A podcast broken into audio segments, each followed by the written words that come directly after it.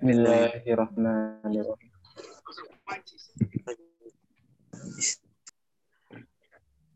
Ya, rekan-rekan semua, uh, seperti yang sudah disampaikan pada Selasa minggu sebelumnya, bahwa mulai pertemuan ini dan seterusnya paling tidak satu sampai dua kali pertemuan jelang UTS ya kita adakan uh, ya silakan dimatikan saya juga nanti sebentar dimatikan kamera uh, kita akan mengadakan bimbingan nanti sehingga bisa dimanfaatkan satu persatu untuk menyampaikan baik itu terkait dengan aspek judul kemudian juga metode atau teknis penulisan sampai hal yang bersifat substantif.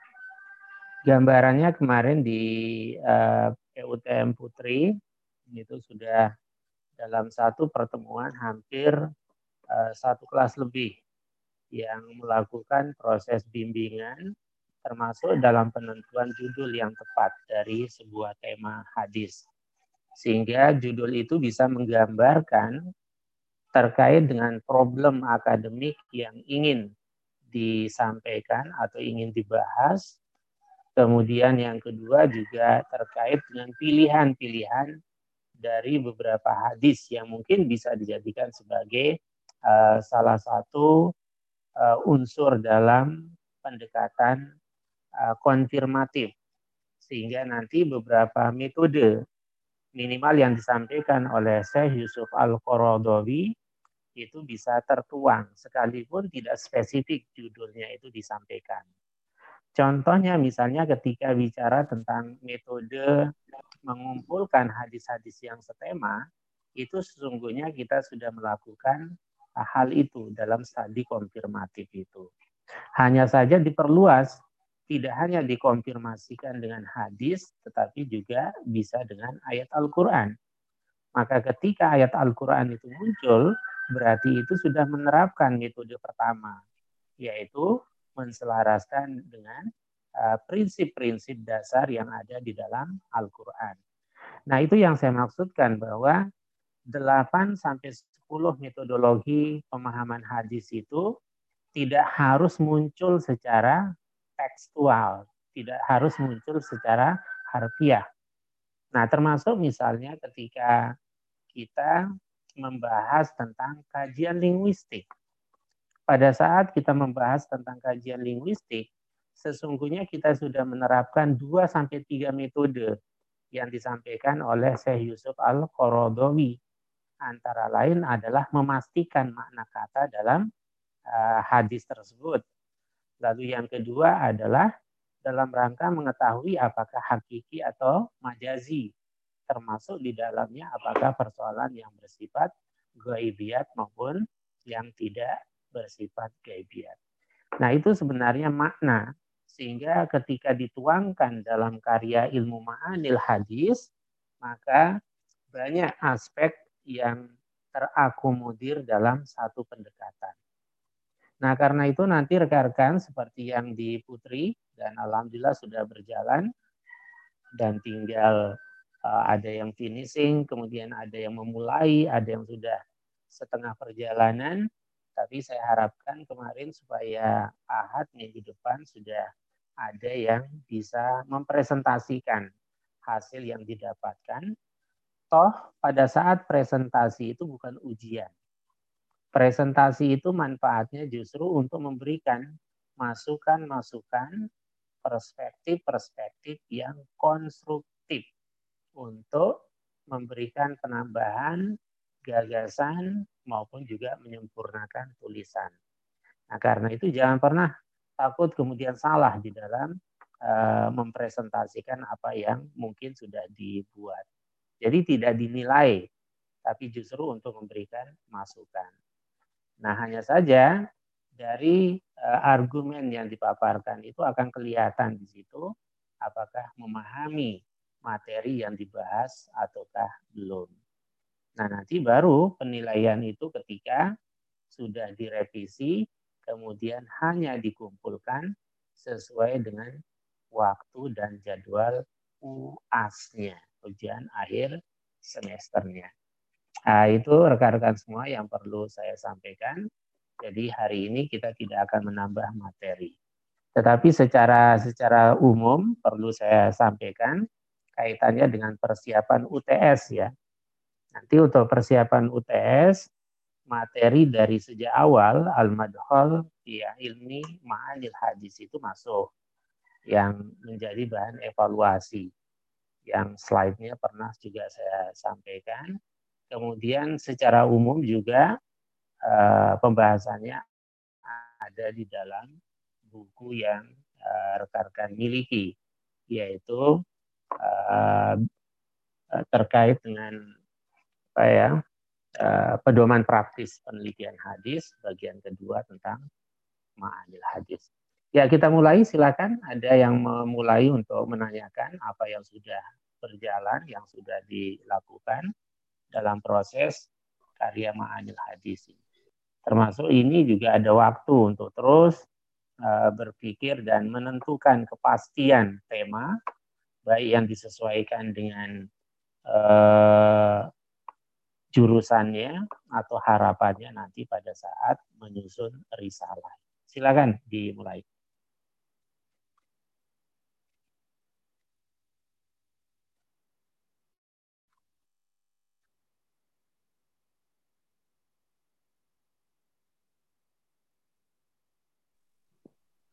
Apa? Ya, ini sudah ya. banyak ya dengan siapa? Badru Tamam Ustaz. Uh, ya, Badru Tamam silakan. Ya, Ustaz. Ini apa? Untuk memastikan tema Ustaz. Anak kemarin kan kemarin takhrid hadis itu judulnya larangan uh, apa? memaksa orang sakit untuk makan dan minum. Lalu uh, kemarin-kemarin Ana dapat uh, apa hadis gitu Ustaz. Hadisnya itu apa generasi imaah. Nah, jadi apa judulnya tuh jangan janganlah menjadi generasi imaah Ustaz. Uh, menurut Ustadz, Ana pilih yang mana Ustaz? Apakah masih ya. judul yang sama atau gimana? Untuk imaah, imaah, imaahnya itu sendiri terutama mengartikan apa di situ dalam konteks kekinian? Ini satu apa? Uh, generasi yang apa? Yang ikut tren gitu, Ustaz. Jadi apa generasi yang cuman mengikuti tren aja, Ustaz? Ya. Oke, itu bisa menarik kalau hanya dikaitkan dengan perspektif uh, tema hadis ya. Tapi kalau Badrutama misalnya ingin mengaitkan apakah uh, itu nanti dikaitkan dengan jurusan, tentu uh, ini Badrutama ke mana? UMY? UAD? UAD, Set. Uh, oh, UAD ya bisa aja ya. Nah, hadisnya. Ya. Ya, saya kira itu bagus sebagai uh, satu pemaknaan terhadap hadis untuk menjawab tentang uh, konteks kekinian. Nah, generasi imaah itu bisa dimaknai sebagai uh, orang satu ya, nanti uh, bisa dispesifikasikan. Artinya generasi yang membio pertama. Ya, membio. Kemudian yang kedua, itu kaitannya dengan generasi yang tidak memiliki jati diri. Itu uh, yang imaah itu. Nah, termasuk juga uh, itu nanti bisa dikaitkan dengan apa namanya uh, falsafah buih yang dalam hadis. Itu ternyata beberapa hadis itu memiliki makna satu tidak memiliki pendirian yang teguh. Ya jadi uh, teguh pendirian. Nah, kira-kira untuk dikaitkan dengan konteks kekinian, apakah kemudian Eh, tiga alternatif itu mewakili atau tidak. Nah maka itu bisa jadi misalnya generasi imaah itu, nah imaahnya langsung dikontekstualisasikan saja dengan eh, makna atau terma-terma yang yang ada saat ini. Misalnya apa namanya eh, apa ya menjadi generasi yang memiliki pendirian tangguh misalnya perspektif hadis Nabi. Tapi yang penting temanya itu sudah sudah dipegang ya. Nah, perkara nanti judul bisa berubah sesuai dengan uh, referensi yang ditemukan itu nanti sewaktu-waktu bisa disesuaikan sehingga lebih ilmiah. Kalau secara konten bagus itu. Nah, sehingga nanti uh, studi empiriknya itu diperkuat sehingga nanti hadis itu benar-benar menjadi salah satu solusi atau paling tidak menjadi uh, apa ya teguran dalam tanda kutip terhadap generasi yang tidak memiliki pendirian tangguh atau uh, yang tidak teguh pendiriannya.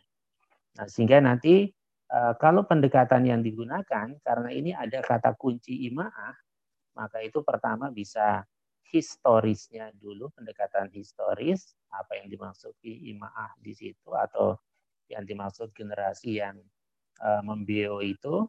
Kemudian yang kedua nanti linguistiknya untuk menentukan kepastian makna dari kata imaah itu. Bisa jadi imaah ini adalah uh, lafaz yang uh, mustarak memiliki beberapa makna yang relevan dengan konteks kekinian. Nah, baru kemudian pada saat ini bisa dihubungkan dengan pendekatan sosio-kultural. Jadi ada aspek sosiologisnya di situ, ada aspek kultur. Sehingga menemukan kenapa generasi itu suka uh, menjadi korban iklan, suka membio, dan lain sebagainya. Nanti bisa ditemukan di situ. Saya kira itu menarik kalau Badrut Tama bisa menarik ke wilayah konteks kekinian itu. Oh ya, Namsat. Syukur. Jadi kalau usul, ya, usulan saya yang tiga itu, ya usulan saya generasi yang tidak memiliki jati diri, tapi di situ lebih ke tidak memiliki pendirian yang tangguh. Oke. Okay. Syukur, Ustaz. Afwan. Siapa lagi? Silakan.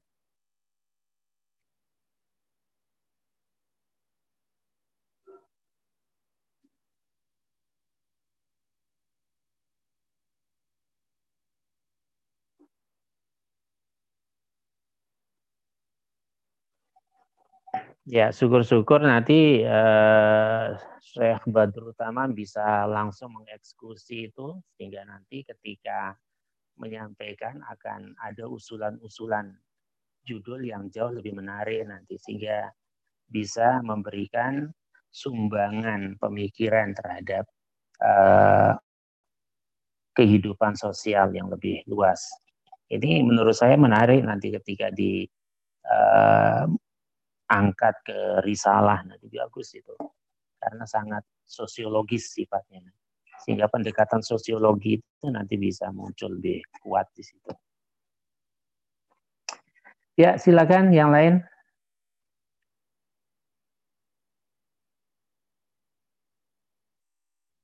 Apa problem yang sudah uh, ditemukan kemudian ingin ditanyakan untuk mendapatkan perspektif atau tinjauan lain, silakan. Saya Ustaz. ya, uh, uh, saya nemu hadis Ustaz. Uh, ini berbeda dengan tahris saya yang kemarin. Hadis ini tentang uh, uh, larangan keldai Ustaz. Larangan?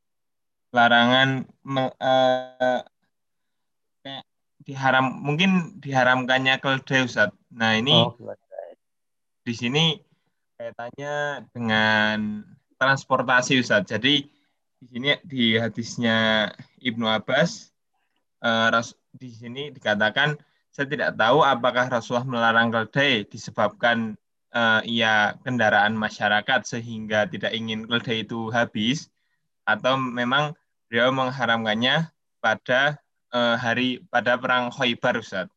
Nah, di sini ya. nanti saya akan kaitkan dengan uh, transportasi Ustaz. Ya. Itu berarti sebagai hadis konfirmatifnya ya. Iya, Ustaz. Atau ada perubahan perubahan tema malahan dari awal? Uh, perubahan Ustaz. Yang awal kan dulu kan saya kan yang uh, larangan apa? Uh, penghasilan dari perkebunan, pelacur dan uh, penjualan anjing. Nah, ini saya ganti Ustaz. Uh, gini, Gosan dan yang lain. Salah satu problem kita ketika kita menulis, kita sering kali tergoda dengan tema-tema yang lain yang belum tentu itu tema itu lebih menarik. Itu satu.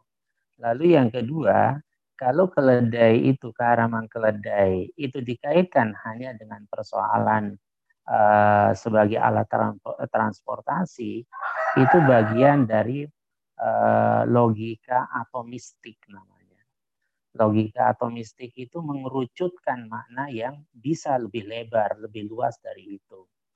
Sama halnya, suatu saat ketika uh, Nabi melarang untuk memakan hison, kuda, tidak hanya keledai. Atau yang kedua, larangan Nabi untuk menyembelih binatang ternak yang betina. Ya kan? Nah, itu banyak larangan maka nanti akan terbentur beberapa kaidah. Apa iya itu diharamkan? Tidak semua larangan itu kan ditahrim. Bisa lil karoha, ya kan? Nah, bisa jadi itu lil karoha. Maka penjelasan Ibnu Abbas tentang keledai itu menunjukkan atau itu bisa dijadikan sebagai ilah, sebagai korinah sekaligus. Indikator kuat tentang faktornya. Oh berarti hakikatnya itu halal tetapi agar tidak sampai kemudian punah, itu salah satu faktor, kepunahan. Kenapa kepunahan? Karena keledai merupakan salah satu alat transportasi yang sangat dibutuhkan.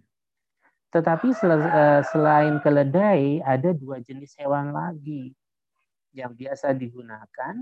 Yang pertama adalah kuda dan yang kedua adalah uh, onta. Nah, sehingga hanya menarik ke larangan menyembelih keledai kepada faktor transportasi itu sudah uh, umum daruroh itu. Itu sudah salah satu faktor yang dikenal oleh masyarakat ini. Tetapi justru tema awal yang akan dikaji oleh Gosan itu, itu banyak memberikan satu sumbangan-sumbangan pemikiran terhadap konteks kekinian kalau Gosan bisa menarik pembahasan itu ke wilayah prostitusi online yang sekarang semakin marah itu. Itu loh Gosan. Jadi eh, justru Gosan itu maaf eh, tergiur dengan sesuatu yang justru tidak kalah eh, menariknya tema awal yang sudah disampaikan itu. Ketimbang yang ini sudah mafhum bin darurah itu. Dan nanti akan terjebak ketika membahas tentang keharaman keledai atau larangan menyembelih keledai dikaitkan dengan transportasi. Transportasi itu salah satu korina, salah satu pertimbangan dalam memberikan uh, larangan itu. Yang larangan itu menunjukkan lil karoha, Kemudian pertimbangan lain adalah karena kekhawatiran terjadi kepunahan. Nah, sementara orang yang memelihara keledai di daerah atau di negara lain, terutama di jazirah Arab yang sangat luas, itu juga banyak. Maka itu konteksnya itu adalah konteks kebutuhan. Kalau kita mengatakan sekarang itu pertimbangan pragmatis. Ya, itu pertimbangan pragmatis supaya tidak uh, punah karena menjadi alat transportasi. Ala kulli hal itu Gosan silahkan menentukan. Tapi saya mengatakan pertama itu jauh lebih menarik, uh, jauh lebih kontekstual juga, dan memberikan sumbangan pemikiran yang praksis. Nah karena itu saya sarankan ketika bicara tentang tidak boleh uh, memakan hasil yang salah satunya prostitusi, nanti ada kalimat penghubung dalam konteks saat ini, hal semacam ini banyak terjadi, bahkan dengan menggunakan media sosial seperti ini, ini, ini, ini. Itu menarik. Apalagi kalau Gosan menambahkan data. Datanya itu dari mana yang digunakan? Ada situs tertentu yang memberikan eh, apa namanya bekerja seperti itu. Ada yang menggunakan chat room sebagai media untuk itu dan sebagainya. Nanti ketemu nanti menarik itu Gosan. Nah, karena itu nanti pertimbangan yang lain di samping ada historis, linguistik, sosiologis, nanti juga pertimbangan ekonomi. Mengapa orang itu melakukan itu? Ya karena faktor itu kan salah satunya. Nah, nanti dikaitkan dengan beberapa hadis tentang uh, kekhawatiran Nabi. Jadi orang sering uh, kan ada hadis yang mengatakan apa namanya faktor yang ya banyak membuat orang itu kemudian tersesat atau melenceng dari agama itu adalah ma baina surah itu. Kan ada hadisnya itu. Ya kan? Nah, itu itu menarik. Jadi gak usah gak usah ter, ter apa namanya? terpengaruh oleh itu yang justru lebih menarik awal dan ini kurang menarik. Kurang menarik dalam pengertian orang sudah tahu dan problemnya itu menjadi sudah terjawab di situ. Sederhana jawabannya. Karena kekhawatiran kepunahan, yang kedua karena sebagai alat transportasi itu. Itu pesan, silakan diputuskan lagi itu. Ya, syukuran masukannya Ustaz. Apuan. Mau tetap yang pertama atau masih tetap tergiur? Ya, mungkin yang pertama saja yang tahris kemarin. Iya, kalau pertama tolong ditarik ke wilayah konteks kekinian sehingga nanti prostitusi online itu itu bisa terjawab. Nanti kalau sudah terjawab itu bisa perubahan judul, Gosan. Saya kasih tahu. Nanti juga uh, ini menarik bahkan bisa langsung Anda kirim ke SM itu. Kemarin di seperti itu di uh, tahun sebelumnya Putri malah saya minta coba tolong dikirim. Akhirnya minta tolong dibaca dulu tat nih saya bacakan oh ya ini yang kurang ini yang kurang silakan dikirim langsung dimuat dua edisi. SM menarik kan? Nah nanti anda akan tertarik terus untuk menulis. Nah, itu rahasianya menjadi penulis. Nah ini tema yang sangat menarik kontekstual dan kekinian. Ya yang lain ada silakan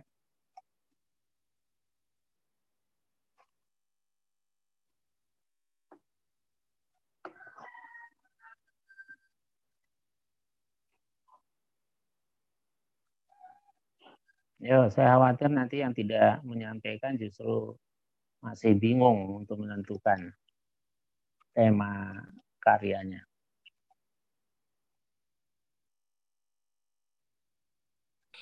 Ustaz, uh, untuk yang ihtikar kemarin Ustaz, untuk yang ihtikar kemarin apakah judulnya cukup pada hukum penimbunan barang Ustaz?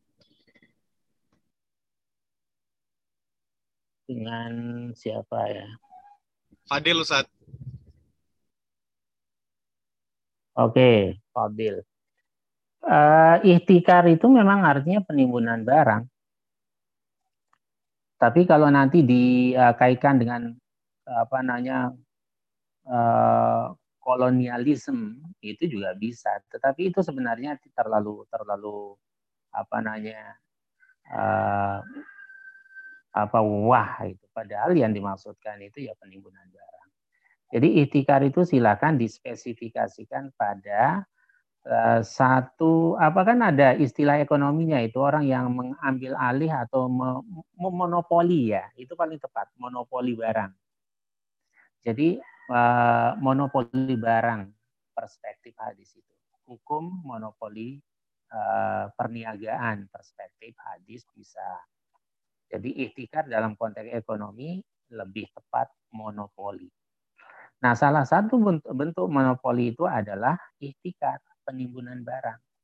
Tetapi sesuatu dikatakan penimbunan atau ikhtikar ketika sesuatu itu berdampak pada kelangkaan dan mahalnya harga barang. Itu ukuran untuk mengatakan ikhtikar. Maka nanti tinjauannya juga tinjauan uh, empiris juga uh, boleh. Nah, ketika melakukan tinjauan empiris, nanti bedakan antara stok dengan penimbunan. Karena mirip-mirip itu. Kalau stok itu dia hanya uh, mengumpulkan sejumlah barang untuk stok di uh, penjualan, namun tidak berdampak pada kelangkaan barang di pasaran. Nah, itu dibedakan di situ. Sehingga tidak masuk kategori monopoli ketika itu hanya sebatas stok untuk barang dijual dengan pertimbangan tadi tidak menyebabkan kelangkaan. Nah, nanti yang lain silakan dikorelasikan dengan teori ekonomi. Dalam teori ekonomi itu kan dikatakan bahwa hukum jual beli itu ketika terjadi kelangkaan barang di pasaran maka harga akan naik. Jadi kenaikan harga barang itu salah satunya karena kebutuhan, yang kedua karena kelangkaan barang. Tapi sengaja melakukan proses kelangkaan itu, nah itulah di situ keharaman itu terjadi. Jadi Fadil bisa mungkin istilah ekonomi saja yang digunakan Uh, monopoli tadi itu. Hukum monopoli perniagaan perspektif hadisnya. Nah, di situ nanti yang membedakan dengan uh, perspektif-perspektif yang lain. Oke, mau dilanjutkan atau enggak? Insya Allah dilanjutkan Ustaz. Oke. Okay. Ada beberapa. Apa? Ya, ya tafadhol. Tapi nanti empiriknya juga main ya, Fadil supaya memberikan kontribusi di situ. Studi empirik itu artinya mengaitkan betul dengan konteks kekinian, sehingga teori ekonomi masuk di situ, kemudian membedakan antara stok dengan uh, monopoli itu sendiri, nanti dijawab di situ. Oke, bagus. Dua Gosan, tiga Fadil, si yang lain siapa? Silakan. Ustaz saya Ustaz. Ya, Fadol dengan siapa? Oh, Bapak Izi Ustaz. Bapak Izi ya, silakan. Muhammad oh, iya Ustaz. Kalau ditinjau dari dari penelitian saya sebelumnya tentang hadis riba Ustaz. Nah, uh, mohon sarannya Ustaz kiranya untuk judulnya nanti lebih baiknya disistematis seperti apa. Terus mungkin dalam hal ini yang ingin saya bahas tentang pengertian riba itu sendiri Ustaz. Soalnya sependek yang saya baca bahkan ada yang mungkin memaknai riba dengan suatu pemaknaan sehingga ada kelompok yang membolehkan Ustaz. Nah, ya. kemudian juga di sini mungkin tentang saksi dan penulisnya. Nah, mungkin uh, seiring berkembangnya kemajuan teknologi mungkin uh, saksi ini bisa berkembang Ustaz. Kalau zaman dahulu kan mungkin melihat langsung atau bagaimana, sedangkan sekarang kan mungkin dengan teknologi dan lain sebagainya Ustaz. Ya, termasuk notaris itu nanti masuk wilayah saksi dia. Ah, eh, maaf, masuk wilayah penulis, tidak hanya apa namanya bendahara atau sekretarisnya ya kan. Masuk sekarang sekarang dalam konteks kekinian kan notaris dan lain sebagainya. Ya, uh, begini, pertama hadis yang dijadikan sebagai objek uh, pokok apa sebelum konfirmasi? Penggalan matan yang digunakan apa? Yang Rasulullah melaknat pemakan riba, Ustaz. Oh. Yang memberi makan riba kedua Anak saksi Rasulullah dan Rasulullah SAW riba, ya, wasrahidai dan seterusnya itu. Ya, itu nanti akan menjadi menarik ketika lebih banyak dikorelasikan dengan eh, fakta-fakta uh, uh, kekinian itu akan lebih menarik. Sebab bicara tentang riba itu kan satu uh, satu problem atau satu topik yang sangat-sangat tua sesungguhnya. Tetapi semakin bermetamorfosis dalam berbagai bentuk. Nah, di situ memang Nur Fazi masuk di situ metamorfosis dari uh, perilaku uh, apa namanya? riba itu. Sehingga kalau judulnya itu kadang diilustrasikan dengan terma lintah darat. Ya kan? Dalam persoalan apa? Yang kedua sering kali menggunakan rentenir. Dalam perspektif hadis tadi ma'anil hadis di situ. Atau rentenir perspektif Nabi tadi ilmu ma'anil hadis.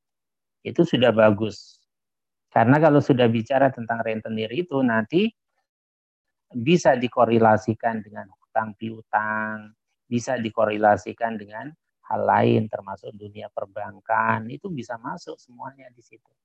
Nah, sehingga rentenir itu sendiri ada yang tradisional, konvensional, ada yang modern. Nah, sehingga ketika modern tadi Nur Fauzi masuk sehingga penggunaan alatnya bahkan bisa menggunakan data uh, atau nanti pertama di dipetakan dulu.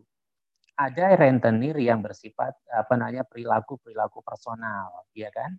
Yang kedua ada rentenir itu yang sifatnya institusional.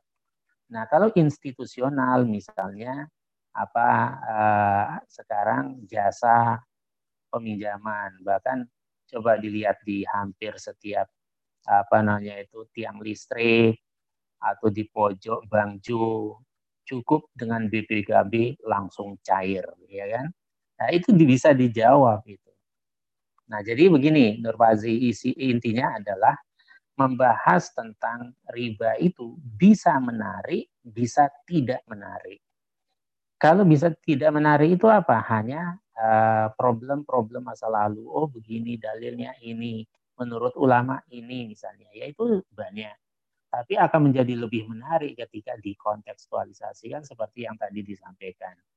Uh, sekretaris tidak lagi hanya uh, kaitannya dengan itu. Saksi pun juga bisa secara virtual.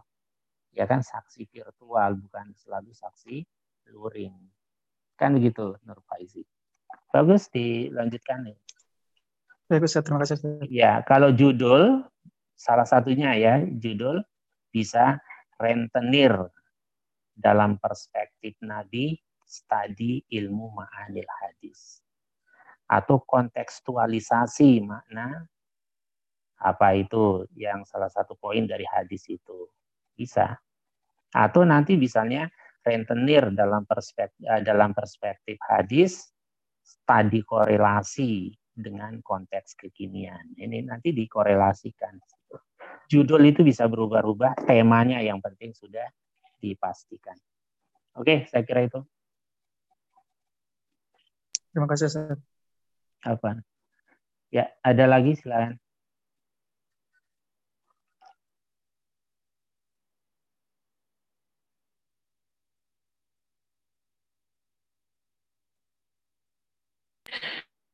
Apaan saya Ustaz? Tafadhol. Uh, ini Ustaz kan ya? untuk tem Nah Ustaz untuk tema yang sebelumnya kan terkait tentang ini Ustaz menerima hadiah ya Ustaz ya. Nah, mohon ya ini juga Ustaz mungkin sarannya dan untuk uh, apa? Jikalau dikontekstualisasikan dengan zaman sekarang menerima hadiahnya itu lebih ditekankan kepada aspek apa dan mungkin uh, lebih judulnya juga mungkin lebih bagaimana Tergantung hadis yang digunakan, Egar. Nah, sekarang matanya apa yang spesifik? Yang waktu itu yang saya gunakan yang tentang ini, Ustaz. Uh, yang barirah tuh Ustaz dikubihi ala bariratin faqala walaha sadakotan walana hadiah. Hmm. Oke. Okay. Ya, uh, nanti ya tentu ketika bicara tentang hadiah itu sendiri ada uh, pendekatan linguistiknya tolong dipertajam karena ada beberapa terma yang digunakan dalam konteks pemberian. Kan ada hibah, ada hadiah, ada riswah. Kalau sodako zakat infak kan sudah lebih spesifik ya kan. Nah nanti uh, hadiah dalam konteks kekinian itu bisa maknanya macam-macam. Ada orang mengatakan ini hadiah ya uh, dari saya, tapi ada kaitannya dengan misi politis. Ingin dipilih misalnya. Maka sekalipun terma yang digunakan hadiah itu sama saja dengan riswah. Nah, karena itu di situ dipertegas dalam uh, kajian linguistiknya bahwa hadiah itu adalah sesuatu pemberian karena prestasi kan atau karena apresiasi terhadap seseorang yang dia kagumi, cintai atau yang berprestasi itu hadiah. Berbeda dengan hibah kan pemberian cuma-cuma. Tetapi ketika makna hadiah itu dikaitkan dengan sebuah kepentingan tertentu, maka itu bisa menjadi riswah. Ya, di situ. Nah, sekarang yang lebih mena yang menarik uh, menurut gambaran Eiger saat ini ingin ditarik ke wilayah apa korelasi pembahasannya. Itu juga perlu di uh, di uh, mengerti itu diketahui itu. Uh, kalau saya tadinya tuh lebih pengen narik ke lebih ke ini Ustaz kaitan dengan apa ya etikanya mungkin etika atau menerima hadiah ataupun ahlak gitu ya Ustaz. Iya, uh, silakan saja itu. Cuma nanti kan kaitannya dengan hadiah itu akan semakin jelas ke mana menariknya pun juga itu setelah mengetahui mana semantiknya. Jadi linguistiknya. Bahwa hadiah itu dalam konteks apa di situ. Nah baru kemudian etika etika itu sendiri itu salah satu bagian atau salah satu pendekatan. Kan ada pendekatan etis dan ada pendekatan apa namanya estetis. Nah, pendekatan etisnya itu etikanya itu nanti sama kedudukannya dengan pendekatan linguistik, pendekatan historis, pendekatan konfirmatif, pendekatan etika moral. Nah, di situ nanti dipertegas bahwa etikanya orang begini uh, menerima hadiah ini antara lain satu karena memang ada uh, apa ya kenangan cenderamata sebagai uh, pemberian prestasi misalnya sebagai apresiasi nah di situ. Maka etikanya seperti apa? Baik pemberi maupun penerima. Itu salah satu unsur dari pendekatan. Jadi jangan tidak masuk kategori penekanan ke situ karena memang ya harus dibahas itu. Sebagaimana membahas pendekatan historis, linguistik dan konfirmatif serta yang lain itu. itu. Yang saya maksud dengan apa namanya penekanan ke mana itu karena dalam konteks sekarang kan sering kali disalahgunakan terma itu.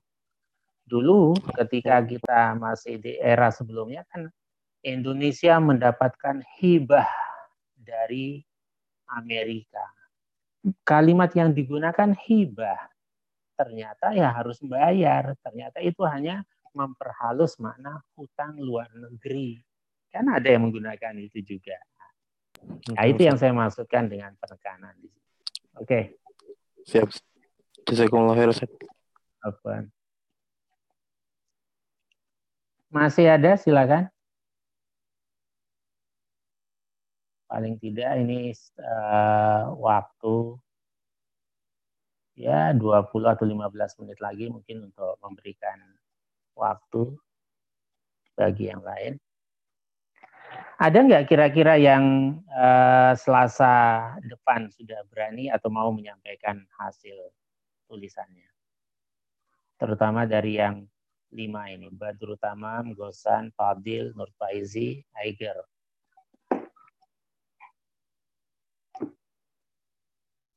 Kalau Selasa, uh, maaf bukan Selasa ya, nanti kita sepakati lagi. Yang pasti setelah UTS itu sudah uh, satu pertemuan paling tidak dua sampai tiga presentator. Isinya presentasi untuk mendapatkan masukan baik dari saya maupun dari teman-teman yang lain. Sampai menjelang UAS. Silakan ada lagi?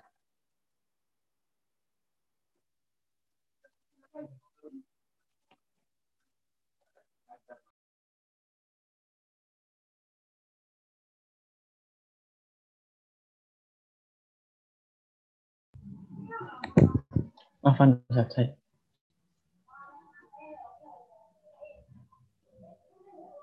Dan Isa anak Nabi atau. Halo. Ya, silakan Isa.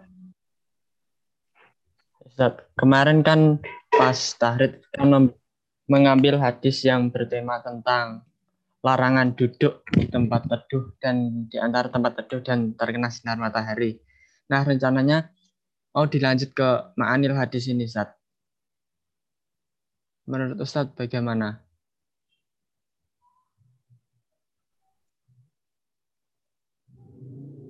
Halo?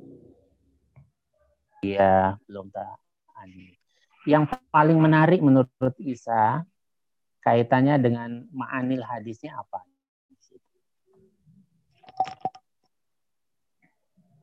Pendidikan, Ustaz. Apa korelasinya pendidikan dengan uh, berteduhnya itu?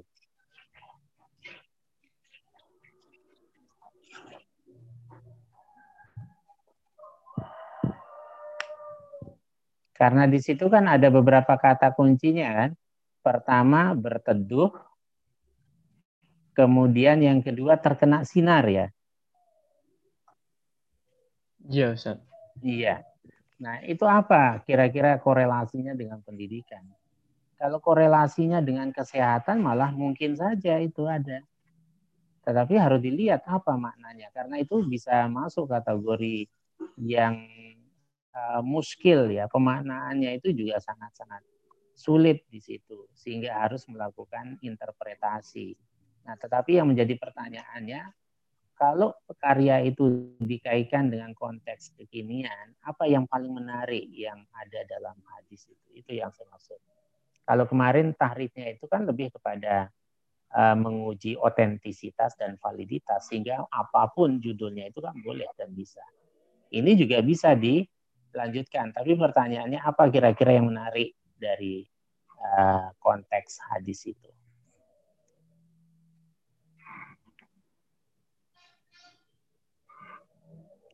Kalau pendidikan saya kira jauh itu.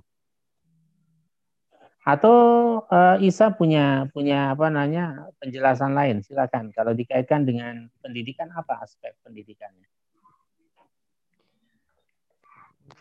dari aspek pendidikan itu Ustaz, mengajarkan tentang apa itu? Tentang kebiasaan setan.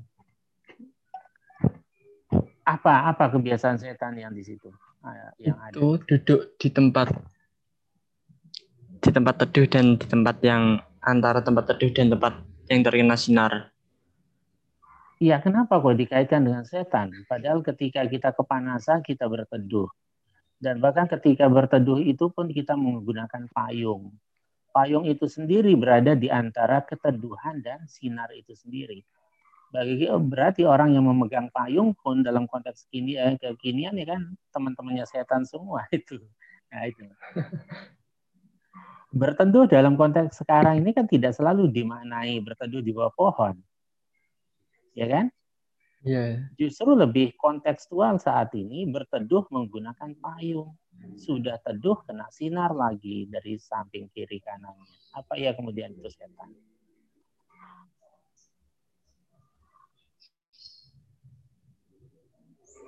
Ya, itu ya. Kalau menurut saya tidak usah dipaksakan untuk ditarik ke wilayah pendidikan, tetapi sangat dekat kalau dikaitkan dengan masalah kesehatan. Nah, tinggal sekarang teori apa yang bisa dijadikan sebagai legitimasi bahwa yang seperti itu adalah tidak menyehatkan. Satu. Yang kedua, Isa, kata setan itu sendiri itu kan memiliki makna-makna simbolik yang sangat panjang, yang sangat beragam dan banyak. Wa idza laqul ladzina amanu qalu amanna. Wa idza khalau ila sayatinihim qalu inna ma'akum innama nahnu mustahzi'un. Sayatinihim itu bukan setan, tetapi kroninya, kelompok-kelompok yang memang mengganggu dakwah, menghina, menistakan Islam kan itu maknanya. Oh berarti setan itu tidak selalu makna setan, tapi makna simbolik bisa terhadap perilaku, bisa terhadap komunitas karena melakukan keburukan, bahkan setan itu sendiri bisa artinya kotoran. Antara lain Nabi mengatakan bahwa kenapa kita diperintahkan istinsar dan istinsar atau istinsak dan istinsar membersihkan hidung karena di hidung itu tempat bersemayamnya setan. Apa mana setan di situ? Ya upil. Apalagi? Apalagi coba? Itu kotoran di situ. Sehingga saya juga memaknai begini. Kalau orang mau tidur, maka tidur itu ditebas dulu. Ya, bisa maknanya setan secara hakiki, tapi majas. Debu, kotoran lain, bahkan bisa kalah jengking. Karena apa? Nanti tidur bisa disengat kalah jengking. Nah, maknanya luas di situ. Termasuk ada hadis Nabi. Mangkola bismillah Allah majannibni syaiton wa jannibi syaiton ma tanah. Doa apa itu anak Isa?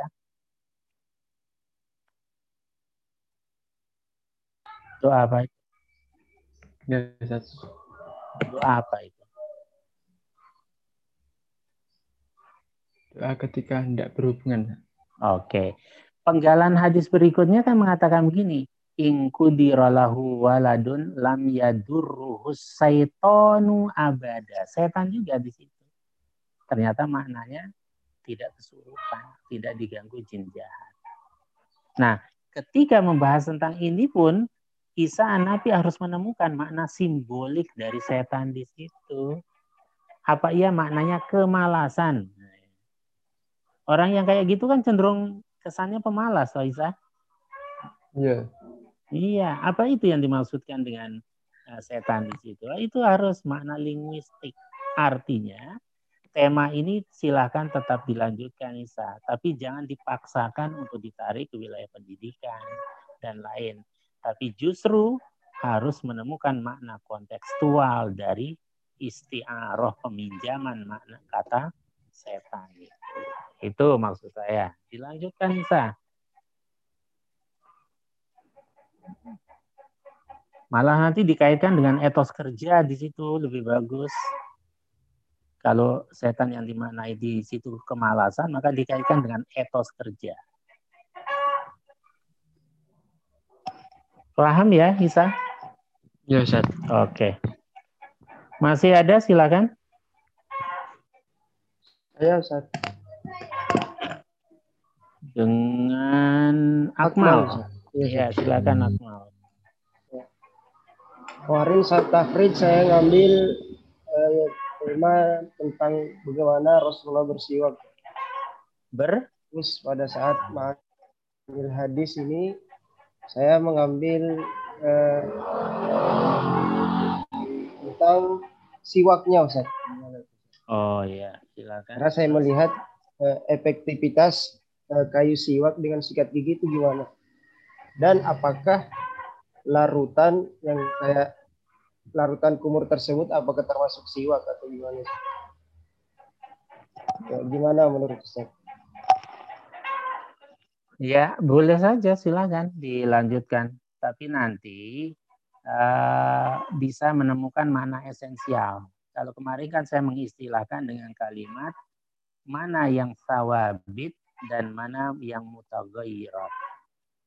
Atau dalam perspektif saya Yusuf Al-Qaradawi, mana sarana dan mana tujuan. Nah, kalau misalnya sarana itu kan bisa berubah-ubah. Ya kan? Karena apa? Karena di luar konteks ibadah ya kan ibadah mahdoh maupun uh, akidah.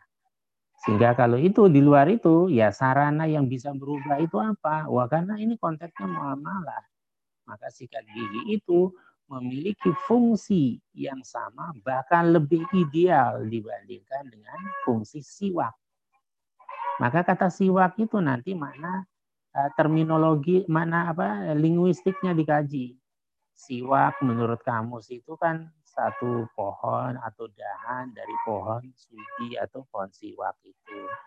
Nah, kemudian nanti uh, tarihul mutunnya, sejarahnya kenapa siwak itu yang digunakan. Oh, karena siwak bagian dari media yang memiliki serat dan efektif untuk membersihkan gigi hingga sela-selanya.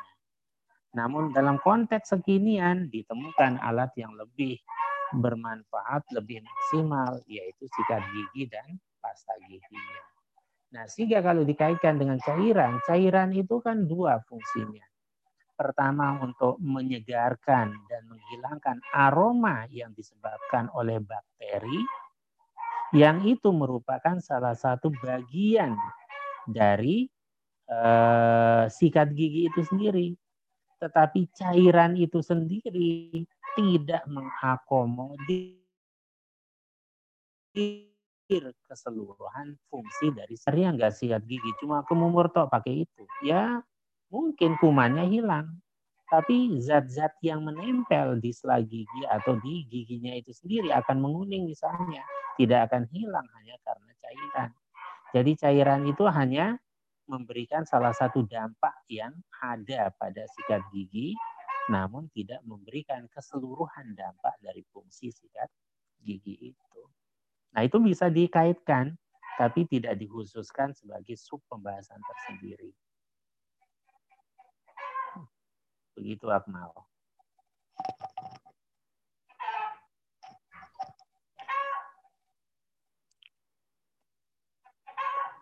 Gimana?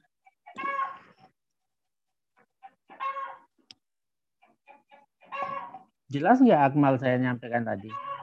Ya, Syukur, Jelas nggak? Iya, Sir. Oke. Satu lagi, silakan. Satu lagi, kemudian kita cukupkan. Insya Allah kita lanjutkan besok. Sambil tolong yang sudah ini juga dan yang lain, baik yang bertanya maupun tidak, untuk segera mengeksekusi. Sehingga nanti semakin banyak masukan akan semakin bagus. Nah, sehingga hampir semua nanti bisa uh, melanjutkan ke tema-tema lain untuk risalahnya atau untuk yang lain. Bahkan Nanti kalau di antara rekan rekan termasuk yang tadi Gosan, kemudian juga yang lain itu mau di SM kan suara Muhammadiyah juga nanti bisa kita uh, bantu itu untuk apa namanya membaca kemudian sudah layak atau tidak karena nanti kan diformat dalam bentuk artikel beda lagi nanti. Oke, satu lagi silakan.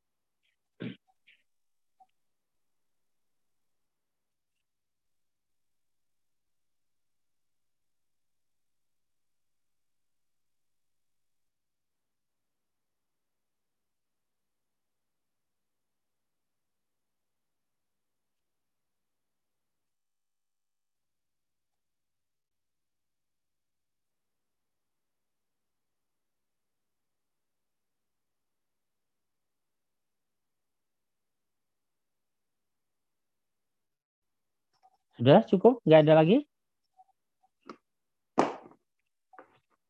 Halo, cukup ya?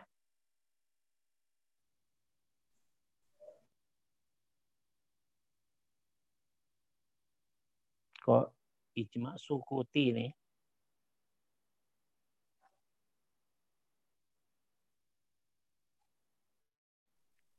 Halo, sudah cukup belum? Mau tanya, Ustaz. Oke, silakan Gosan. Uh, saya kan lihat karya penelitiannya Kak Kelas Ustaz di sana itu dipaparkan uh, apa? Apakah Ma'anil ini memenuhi syarat-syarat uh, pendekatan melalui salah satu dari cara pendekatan kalau kita kemarin uh, pakainya pemahaman perspektif Yusuf Kordowi itu kemarin Kak Kelas itu pakai yang punyanya ini Ustaz. Sebentar.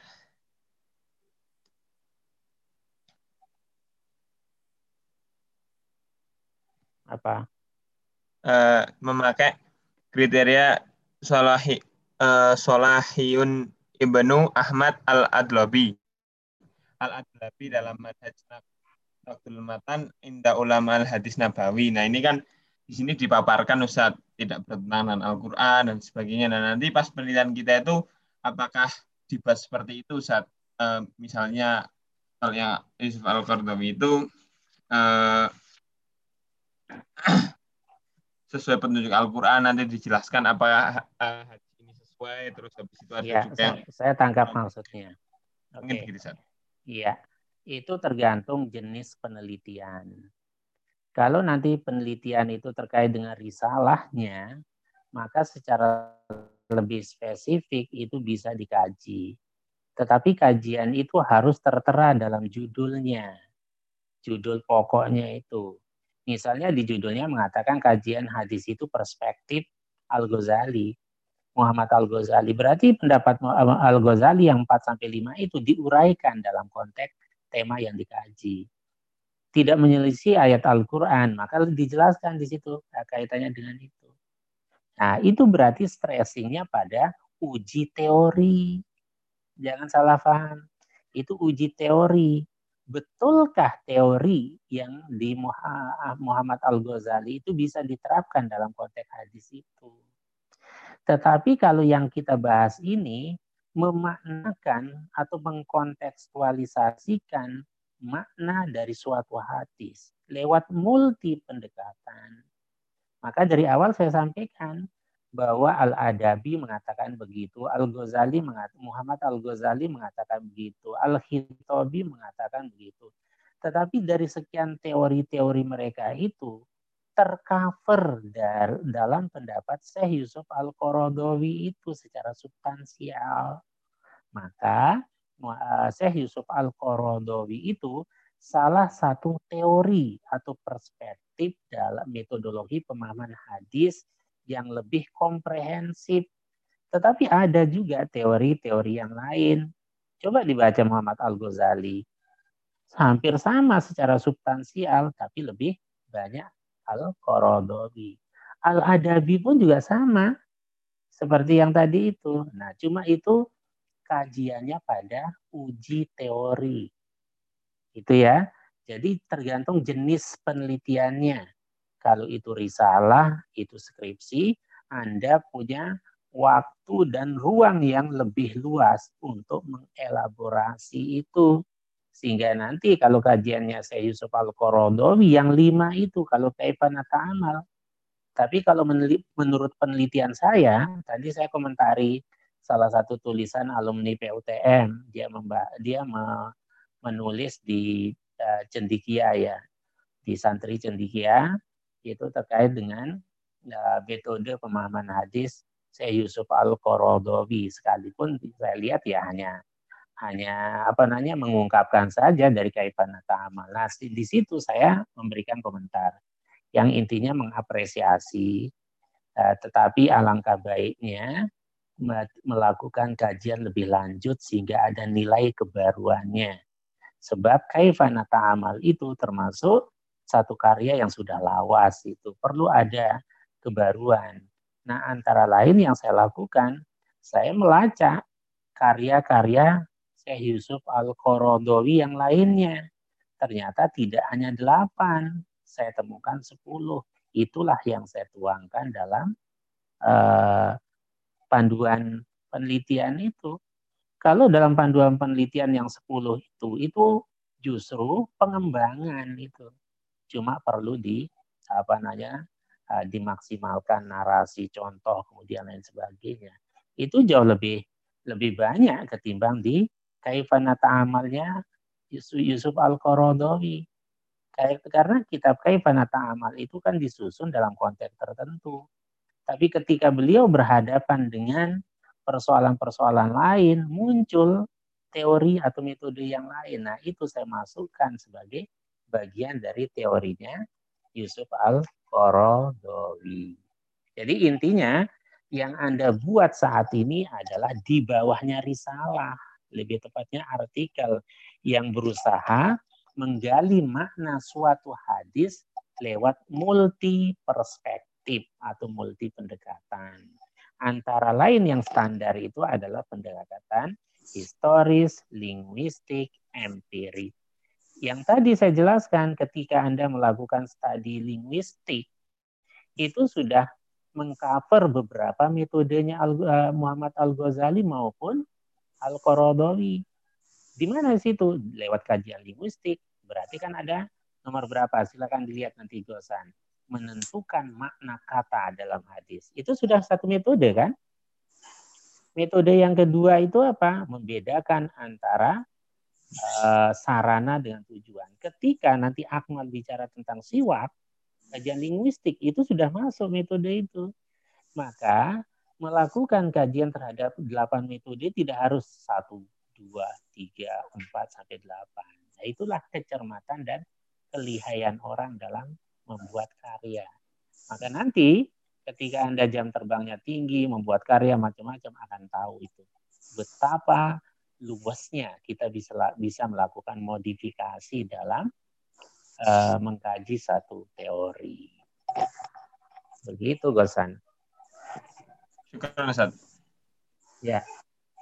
Jadi ini kita langkah awal loh ya. Nanti makanya diri salah itu kan nanti akan di, di resistematisasikan menjadi bab-bab itu. Nah, di situlah Anda akan lebih leluasa untuk mengembangkan. Karena itu saat ini perlu diperkuat dulu. Sehingga kalau sudah diperkuat, ingin dijadikan risalah, itu sudah banyak bahan yang ditemukan termasuk referensi. Tinggal resistematisasi, ditambahkan metodologi penelitian, ini termasuk kajian apa namanya, uh, apa kualitatif atau kuantitatif itu nanti lain lagi nanti metode tersendiri kan dijabarkan. Oke, saya kira itu ya. Cukup? Ya, Mungkin cukup Ustaz. Nur Faizi apa yang ada yang mau disampaikan? Uh, mungkin sementara cukup Ustaz. Oke. Ya, rekan-rekan semua kalau dirasa cukup silakan mulai di eksekusi ya. Terus sedikit demi sedikit dibuat saja tulisannya nanti sesuatu itu akan ditemukan. Semakin menarik ketika kita membaca beberapa referensi, sehingga masalah judul bisa berubah, namun temanya itu sudah bisa dipastikan. Nah, harapan saya tentu kalau hari ini uh, sudah mulai dan melihat ada secercah, ya, jadi harapan untuk bisa menyelesaikan, maka silakan segera diselesaikan sehingga Selasa depan sudah ada yang bisa dan mau presentasi. Tapi kalau Selasa depan belum, maka kita lanjutkan lagi untuk yang terakhir. Karena tanggal 23 itu pertemuan terakhir pra UTS. Nah, sehingga di situlah kita akan, uh, oh sekarang tanggal berapa ini? Selasa, tanggal 16 sih betul, ya tanggal Eh, tinggal tanggal 23. Berarti Selasa depan ada dua kemungkinan, mungkin ada satu yang mau presentasi silakan, sehingga itu bisa menjadi gambaran untuk yang lain, masukan-masukan dan sebagainya, sehingga punya waktu yang sangat banyak untuk merevisi dan menyempurnakan.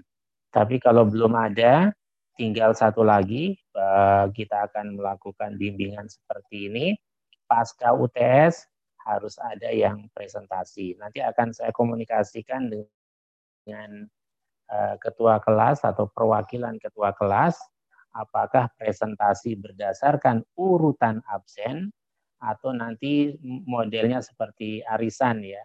Nomor berapa yang keluar duluan maka nanti disesuaikan. Oh ternyata presentator pertama nomor absen 15, dua nomor satu, nah, dan seterusnya nanti saya komunikasikan dengan ketua kelas A maupun B mana cara yang paling uh, efektif. Jadi masing-masing kelas nanti menentukan, tapi dalam perkuliahan kita gabung.